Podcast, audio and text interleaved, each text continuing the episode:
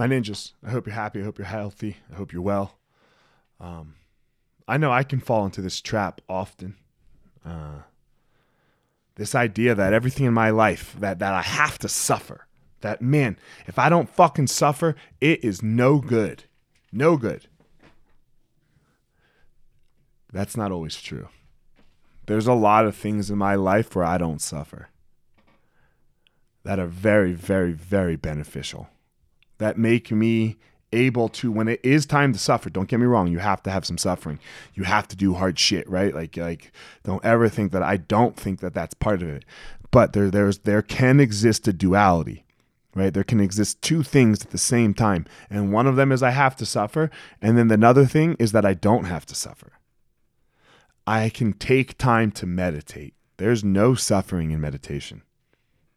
I can take time to exercise to um, excuse me I'll fix this in a second. Exercise came on my mind. Uh, I can take time to have gratitude. I can take time with my kids. I had a a coach, a strength and conditioning coach, Loren Landow, great coach, coaches the Broncos now, head strength and conditioning coach for the Broncos.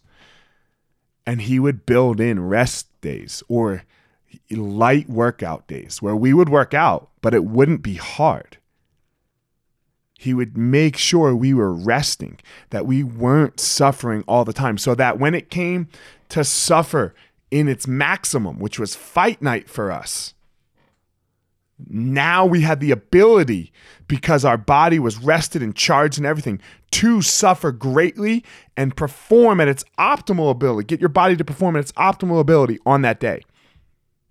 But you can't just suffer all the time. You can't go in and fight every fucking day when you're getting ready for a fight.